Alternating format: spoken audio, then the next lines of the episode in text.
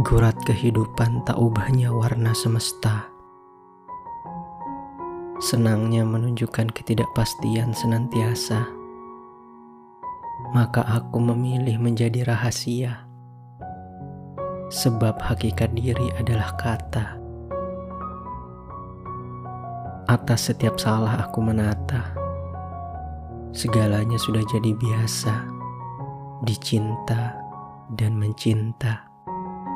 Tentu tak ada yang sempurna, serupa pun tak sama. Lantas bagaimana kita dipertemukan oleh rasa, berjalan dengan karsa, tidak perlu bertanya mengapa. Semua masih tentang kuasanya. Kita adalah narasi yang berbeda. Tak apa kita adalah apa adanya kita, tanpa harus menjadi siapa.